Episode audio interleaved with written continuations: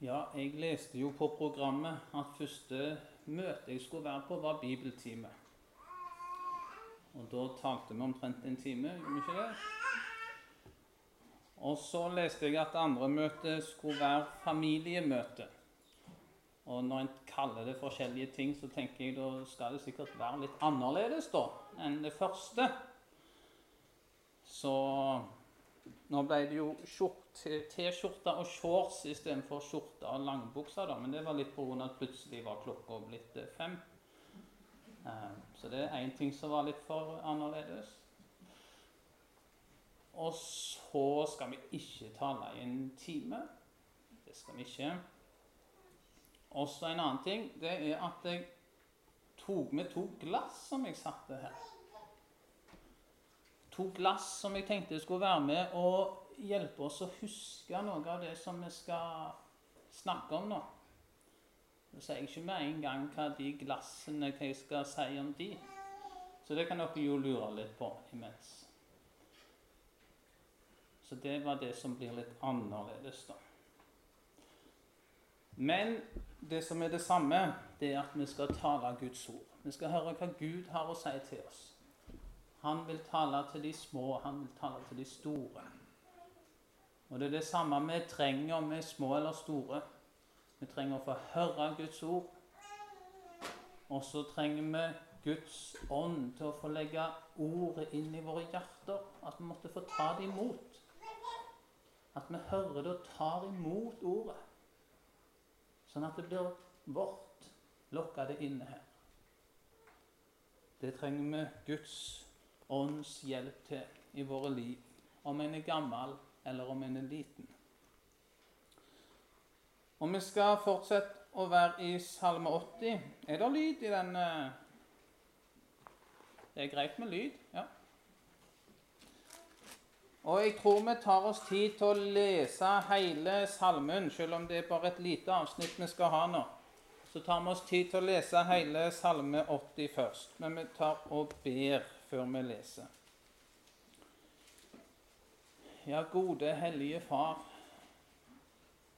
Takk for at du igjen har fått samle oss om ditt ord. Takk for det evangeliet vi har fått høre i sangen på møtet allerede. Og så ber vi om at du kunne få åpenbare deg for oss, sånn at du kunne få være den enkeltes frelser, håp og trøst her i livet og i evigheten.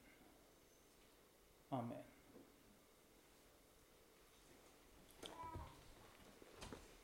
Salme 80. Til sangmesteren etter Liljer et vitnesbyrd av Asaf, en salme. Israels hyrde, vend øret til, du som fører Josef som en jord du som troner over kjerubene, åpenbar deg i herlighet. Vekk opp din kraft for Efraim og Benjamin og Manasseh, og kom for å frelse oss. Gud, omvend oss, og la ditt åsyn lyse, så vi blir frelst. Herre herskarenes Gud, hvor lenge vil du la din vrede ryke mot ditt folk som ber til deg? Du har gitt dem tårebrød å ete og tårer å drikke i fullt mål. Du gjør oss til et stridsemne for våre naboer, og våre fiender spotter oss. Gud, herskarenes Gud, omvend oss, og la ditt åsyn lyse, så vi blir frelst. Et vintre tok du opp fra Egypt, du drev ut hedningefolk og plantet det. Du ryddet grunn for dem og det festet rot og fulgte landet. Fjell ble skjult av dets skygge, og Guds sedrer av dets grener. Det strakte ut sine grener til havet og sine skudd bort imot elven. Hvorfor har du revet ned dets gjerde, så alle de som går forbi på veien, plukker av det? Svinet fra skogen gnager på det, og krypet på marken eter av det. Gud, herskarenes Gud, vend tilbake, vend blikket ned fra himmelen og se. ta deg av dette vintreet. Vern om det som din høyre hånd har plantet, om den sønn som du har utvalgt deg. Det er brent med ild, det er hogd ned, for ditt åsyns trussel går de under.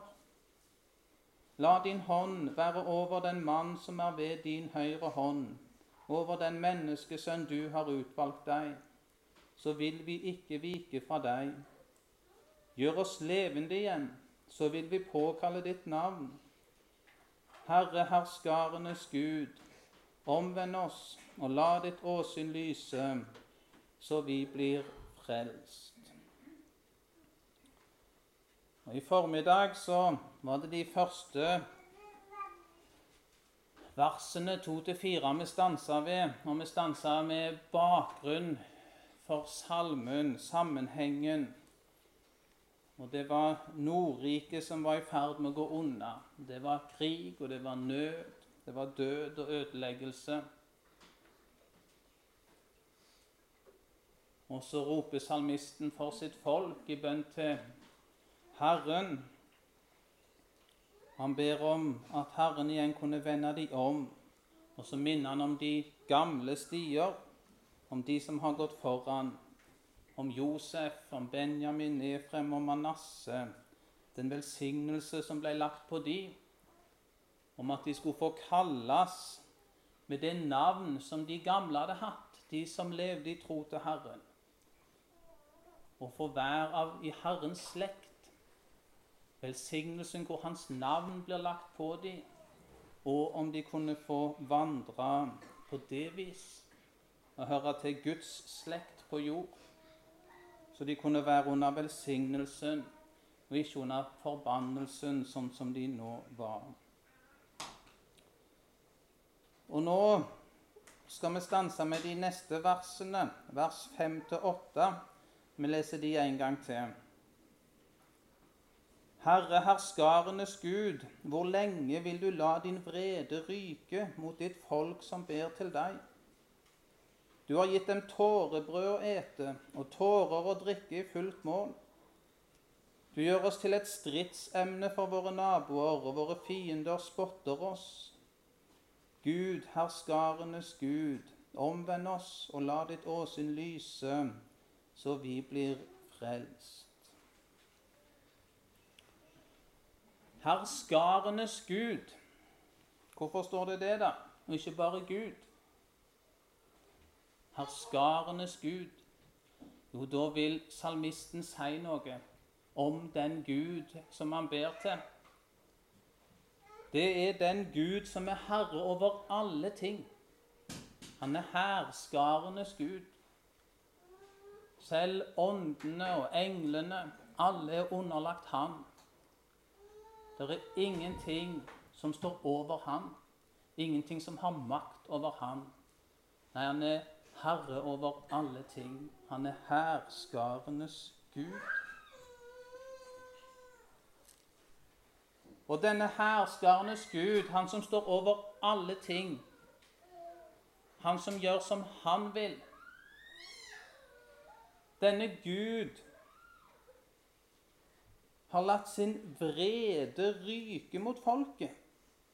Herre, herskarenes Gud, hvor lenge vil du la din vrede ryke mot ditt folk som ber til deg? De var rammet av Guds vrede. Den ulykken, den ødeleggelsen som rammet dem, det var ikke tilfeldigheter. Det var ikke sånn at det var noen som var mektigere enn Gud, som førte ulykke over dem, som Gud ikke hadde klart å stanse. Nei, det er Gud som har makten. Han er herskernes Gud. Det var Guds vrede som var over dem. Og denne Guds vrede, den førte med seg ødeleggelse. Mennesker ble drept. Barn ble drept. Voksne ble drept. De fikk ødelagt hjemmene sine. Noen ble tatt til fanger og ført i fangenskap.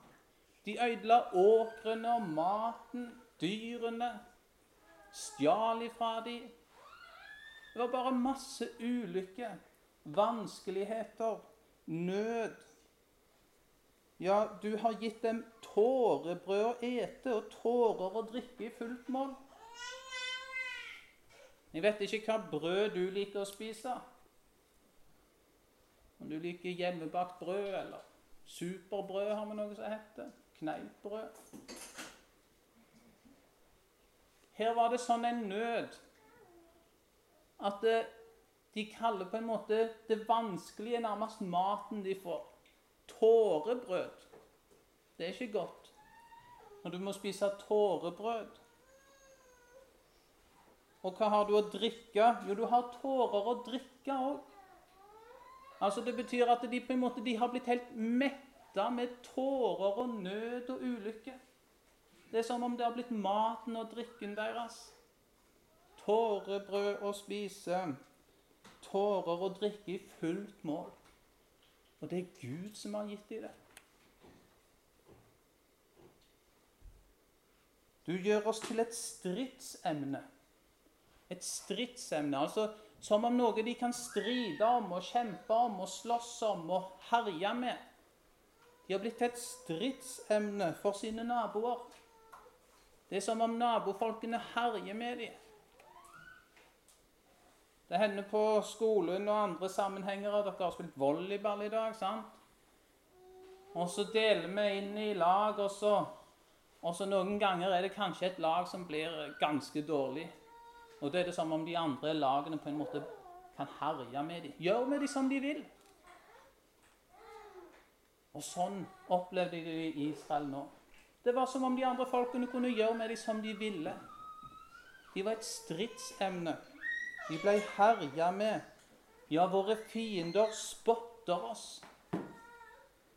Nabofolkene, fiendene, de kunne herje med dem. De kunne spotte dem. Ja, det var bare nød og sorg, tårebrød å ete, tårer å drikke. Og så var det Gud som førte dette over dem. Og så ber salmisten til denne Gud. Er ikke det rart? Skulle en ikke fly vekk fra denne Gud? Denne Gud som ikke har et annet nå å gi dem en ulykke. De har blitt mett flykte med ulykke og nød. Skulle en ikke flykte fra en sånn Gud? Komme seg unna ham?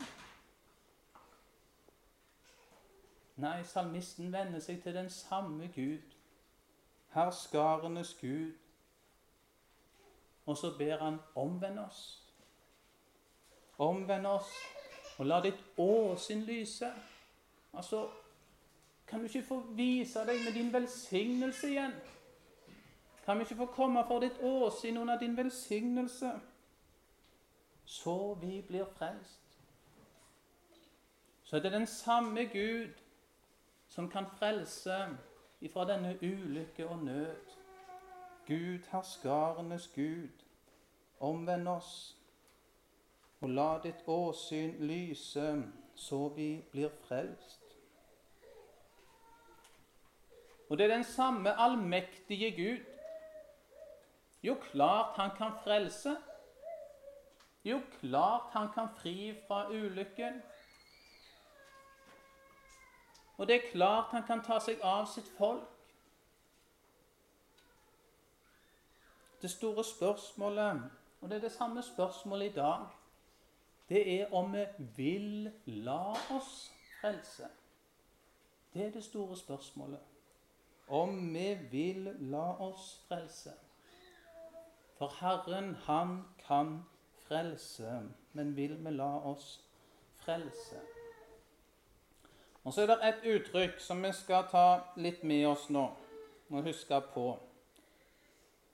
Det er kanskje ikke det mest sentrale uttrykket, men likevel, vi skal bruke det som en knagg å henge litt ting på.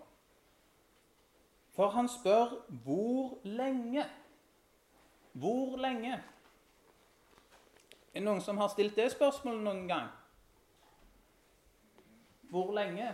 Skal jeg vise dere noe? Vet dere hva det er for noe? Ser dere det? Dette her det er lengden på en ganske lang tale.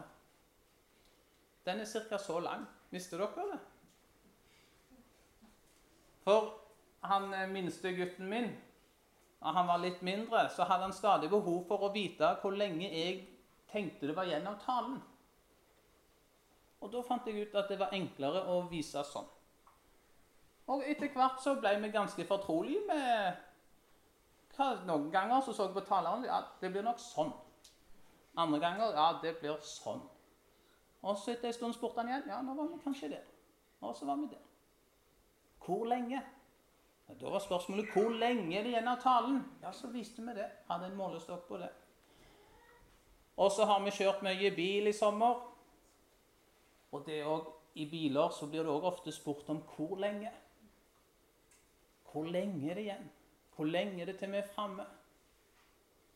Og nå er det sommerferie, og da spør vi hvor lenge er det igjen av sommerferien. Noen gleder seg kanskje til høsten og håper at det skal være kort. Andre de skulle ønske at sommerferien var masse igjen. Hvor lenge? Det er noe vi ofte spør om. Hvor lenge?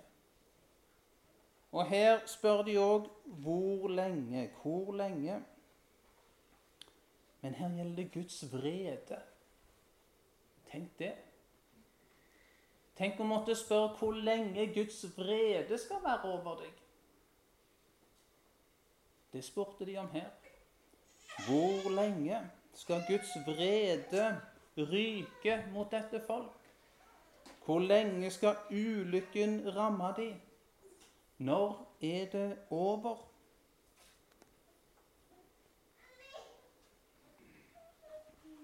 Og Da skal vi snakke litt om Guds vrede. For Gud var vred. Og han var vred på sitt eget folk. Og vi fedre og mødre og barn for så vidt òg, for all del. Vi òg kan bli vrede av og til. Vi kan bli sinte. Hvorfor blir vi sinte? Hvorfor blir foreldre sinte? Noen ganger så blir foreldre sinte rett og slett fordi de er utålmodige. Det er ikke en god måte å bli sint på. Når vi på en måte ikke tåler ungene våre. Det er ikke godt. Men noen ganger så blir vi sinte på en god måte. Hvordan går det an å bli sint på en god måte? Har dere tenkt over det? Har dere merka forskjell i hvordan de voksne kan være sint. At en kan være sint både på en god måte og på en vond måte. Og mange ganger er det nok blanda sammen òg. For vi er syndere med foreldre, ikke sant? Så selv når vi prøver å gjøre det rette og gode, så er det ofte noe galt med. sant? Men den rette måten at vi foreldre er sinte på, det er når det har skjedd noe urett. Det har skjedd noe galt. Og så må vi gjøre opp med uretten. For urett er ikke godt. Vi vil jo at det skal være godt, at det skal være rett, tingene. Ikke sant? Og når det skjer urett, når det skjer det som er ondt, så kan ikke det bare få lov å være der. sant? Da må vi gjøre noe med det. Og Gud, han er vred og han er vred på alt som er galt. Alt som er ondt. Alt som er urett.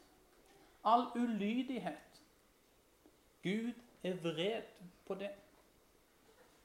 Og det er han på en god måte. Hva var det Israel hadde gjort? Hva hadde de gjort som var galt? Hva slags urett var det de hadde gjort som gjorde at Guds vrede kom over dem? Ja, det var ikke bare én ting eller to ting eller tre ting. Det var mange ting. For det som skjer hvis en ikke vil være lydig, hvis en vil være ulydig Det hender det vi vil, ikke sant? Noen ganger gjør vi galt, og så var det litt sånn som et uhell, på en måte. Altså, det skjedde noe galt uten at vi helt hadde tenkt det skulle bli galt. Mens andre ganger så vil vi være ulydige. Og sånn hadde Israel vært. Begynte med noen ting. De ville være ulydige.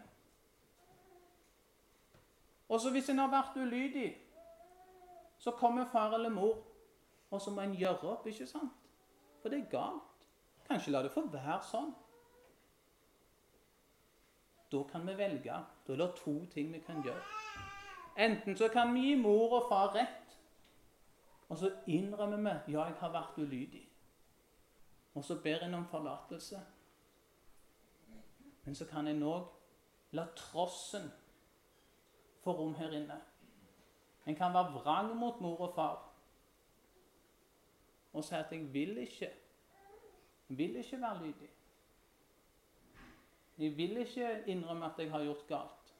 Jeg vil ikke be om forlatelse. Da trosser vi her inne. Sånn hadde Israel trossa Gud. De hadde vært ulydige. Og så sendte Gud sine profeter og de som forkynte ordet, og sa det til dem. Dere har vært ulydige. Gjort galt. Vend om. Og så ville de ikke. Og hva skjer da? Jo, da gjør vi oss harde her inne. Sånn kan vi gjøre oss harde mot mor og far. Og så er det akkurat som vi blir mer modige. Har vi først våget å gjøre oss harde mot mor og far én gang på én ting, ja, så kan vi gjøre oss enda mer harde neste gang. Da kan vi være enda mer ulydige. Og sånn var det gått med Israel. De ble mer og mer ulydige. Mer og mer trass mot Gud her inne. Og så som om de ble modigere og modigere i sin ulydighet mot Gud. Og til slutt så var de ulydige i alt. De ville ikke gjøre som Gud hadde sagt ville ikke gjøre følge Guds ord. Hjertet var blitt hardt hos dem. Det kaller Guds ord forherdelse. Når hjertet blir hardt. Vi kan forherde oss mot Gud, trosse Han, ikke ville innrømme vår synd og vår ulydighet. Og vi kan jo være, bli forherda òg i vårt forhold til foreldre mot andre mennesker. Det trenger ikke bare være foreldre. Det kan være andre òg som har gjort urett imot. Og så vil vi ikke innrømme det. Og så vil vi på en måte Ja, vi vil ikke bøye oss. Og så gjør vi oss harde, og så forharder vi oss. Og så blir det vanskeligere og vanskeligere å være med det mennesket. For vi har gjort hjertet hardt mot det. Sånn hadde Israel gjort mot Gud. Han som var deres far. Han ville være deres far. Sant? Han ville at de skulle få leve for hans åsyn, ansikt til ansikt. Så skulle han se dem, ta seg av dem, passe på dem. Sånn som en far, en god og kjærlig far, vil ta seg av sine. Men det går ikke når han har gjort seg hard. Nei, da er det ikke plass for Guds åsyn. Da kan en ikke være der. Og sånn var det godt med Israel. Gud, han er hellig, og han er god. Han tåler ikke at det skjer urett. Og ulydighet, det er galt. Det er ikke rett, men det er urett. Det tåler ikke Gud. Og så har det Guds vrede over seg. Og samtidig så er Gud tålmodig. Der svikter ofte vi foreldre. Vi er så utålmodige, i hvert fall jeg. Får de andre svare for seg, da. Men jeg er så utålmodig. Gud, han er ikke utålmodig. Han er så tålmodig. Han straffer ikke urett med det samme. Men han forkynner omvendelse. Han kaller til å komme tilbake. Han roper, han lokker, han ville at det så gjerne skulle bli godt igjen. Det som var blitt galt. Det som var kommet i veien. Det som hadde gjort hjertet hardt. Han vil så gjerne skal bli godt igjen. Og så er han tålmodig. De spurte om Hvor lenge spurte de? Om Guds vrede. Hvor lenge skal Guds vrede ramme oss, lurte de på. Ja, hvor lenge hadde Gud vært tålmodig med dem? Det var lenge, det. I flere hundre år hadde Gud vært tålmodig med dem. Han er så tålmodig. Han holder igjen vreden. Han lar ikke vreden ramme. Men han lokker og han kaller. For han ville så gjerne at de skulle vende om. Og for noen i Israel så fikk de vende om. Var alltid noen noen hørte. Noen tok imot. Noen innrømte sin ulydighet, og så fikk de vende om til Herren. Fikk de leve for Hans åsyn. Det var noen.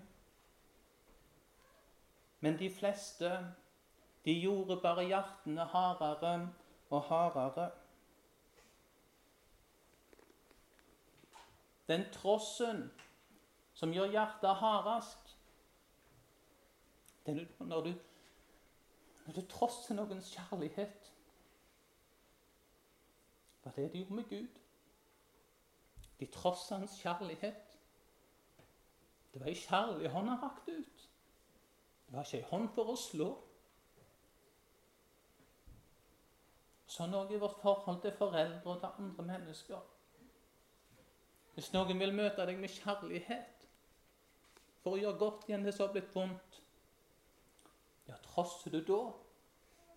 Ja, da må du virkelig gjøre hjertet hardt, ikke sant? For å kunne trosse, for å stå imot, for å holde fast på din urett og din ulydighet. Og sånn var det godt med Israel. Det var blitt så hardt. Det var blitt så trassig.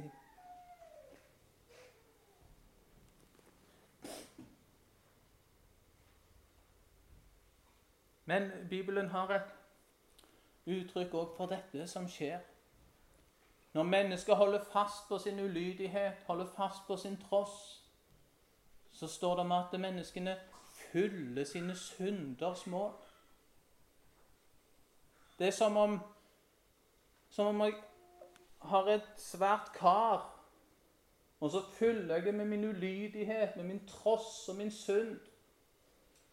Og når Gud kaller på meg i kjærlighet, så er det jo som vi skal få tømt dette karet. Få det vekk. Det som skiller mellom meg og Gud, så jeg kan leve for Hans åsyn. Men når jeg ikke vil vende om, når jeg holder fast på min tross, så fyller jeg og fyller jeg og fyller jeg. Så fyller jeg mine synders mål.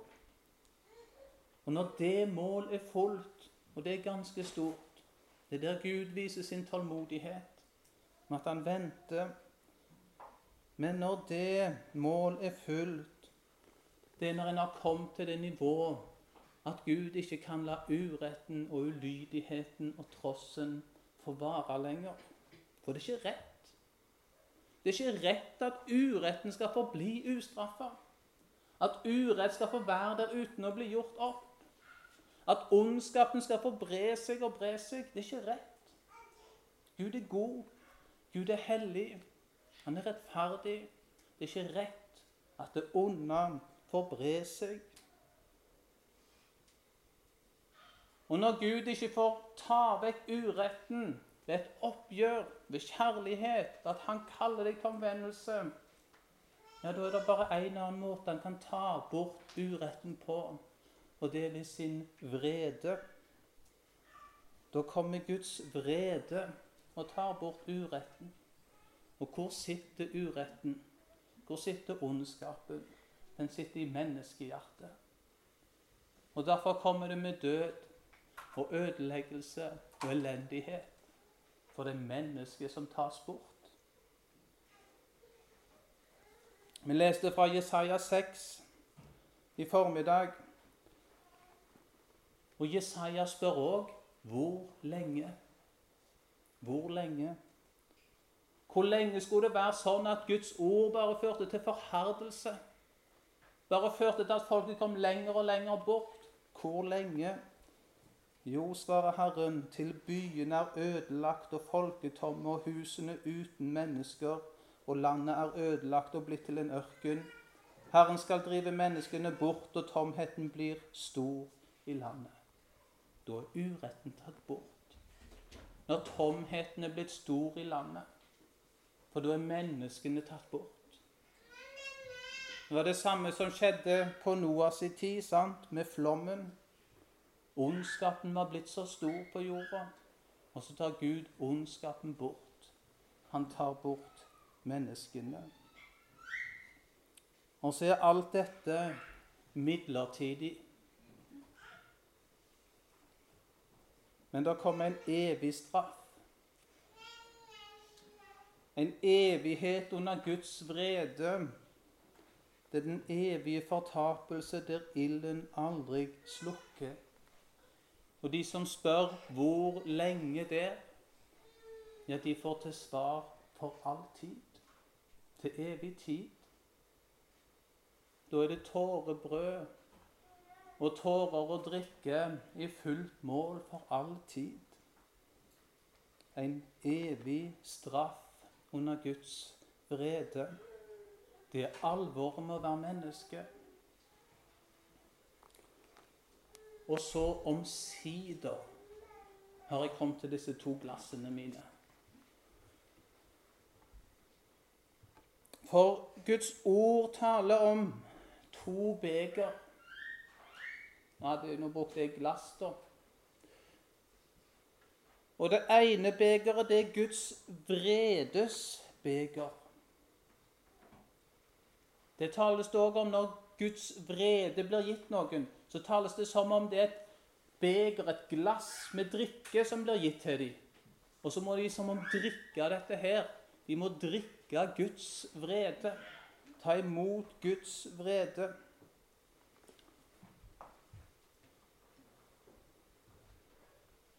Først så tenkte jeg at uh, i det glasset med Guds som jeg tenkte skulle minne oss om Guds vredesbeger, tenkte jeg kanskje jeg skulle ta kaffen som er svart.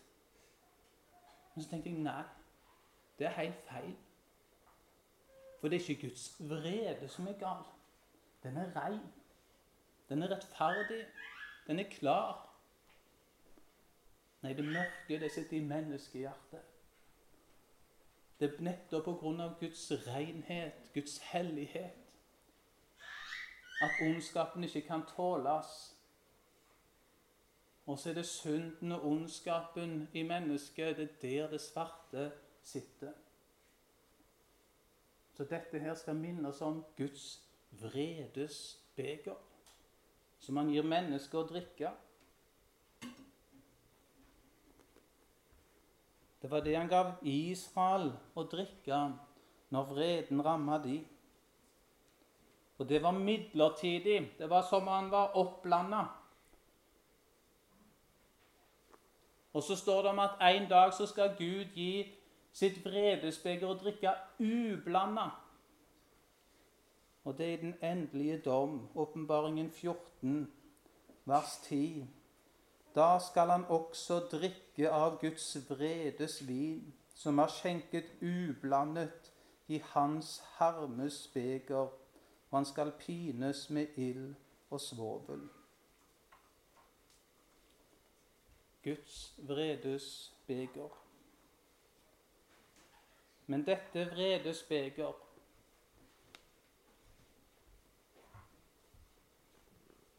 Det ble en gang gitt til Jesus. En gang så ble dette vredes beger. Det ble rakt til han som var fullkommen god, fullkommen lydig, gjorde rett i alle ting. Til det ene mennesket som Gud kunne si om at han har jeg velbehag i. Den rene, den rettferdige, den gode Jesus, din bror, han ble gitt Guds vredes beger å drikke. Og han visste hva det gjaldt. Han visste hva det var. Og så leser vi når han er i Getsemanehagen og står foran og skal drikke dette beger, så er det så stor en nød og så stor angst hos Jesus. For han vet hva alvor det er å komme inn under Guds vrede og måtte drikke dette vredes beger. Tre ganger Tre ganger går han og ber. Er det mulig å slippe? Er det mulig å slippe å drikke dette? Min far, kan ikke dette begeret gå meg forbi uten at jeg må drikke det? Da skjer din vilje. Og her er han lydig. Og her er han villig. Må det til, så skal han drikke. Men som han gruer for det. Og så var det jo ikke sitt egen synd. Det var ikke sitt eget beger han fikk. Nei, han fikk jo ditt beger å drikke. Han fikk den Guds vredesbeger som var skjenka i for dine synder. For din ulydighet for din tross, om det er din tross mot mor og far, om det er din ukjærlighet mot dine medmennesker, om det er din tross mot Gud Det var for de synder det var skjenka i det beger som ble rakt til Jesus. Det var dine synder. Det var ditt beger han drakk. Dette er forsoningen i Kristus. At han har drukket ditt vredesbeger. At han har båret din synd og gått inn under Guds vrede, sånn at rettferdighet kunne skje. For Gud er hellig, han er rettferdig. Han kan ikke la ondskap, urett og ulydighet bare få være, bare få bli. Nei, det må bli gjort opp. Jesus, han gjorde opp. Han tok straffen. Og derfor forkynnes det nåde.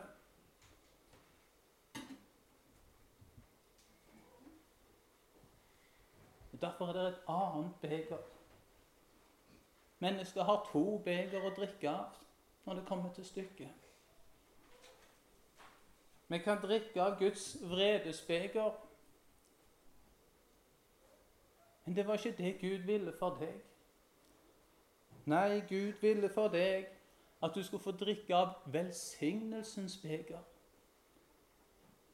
1. Korinterne 10, vers 16. Velsignelsens beger som vi velsigner, er det ikke samfunn med Kristi blod. Han vil gi deg samfunn med sitt blod, samfunn med sitt legeme. Han vil gjøre seg til ett med deg. For han har jo gjort det for dine synder. Han har drukket Guds vredesbeger som var skjenka i til deg. Og så er det nåde. Og så er det syndenes forlatelse å få i Jesu blod. Det er et velsignelsens beger. Jesu blod, det rekkes til deg. Og han tok et beger, takket, ga dem og sa, drikk av det alle, for dette er mitt blod, den nye pakts blod, som utgytes for mange til syndenes forlatelse.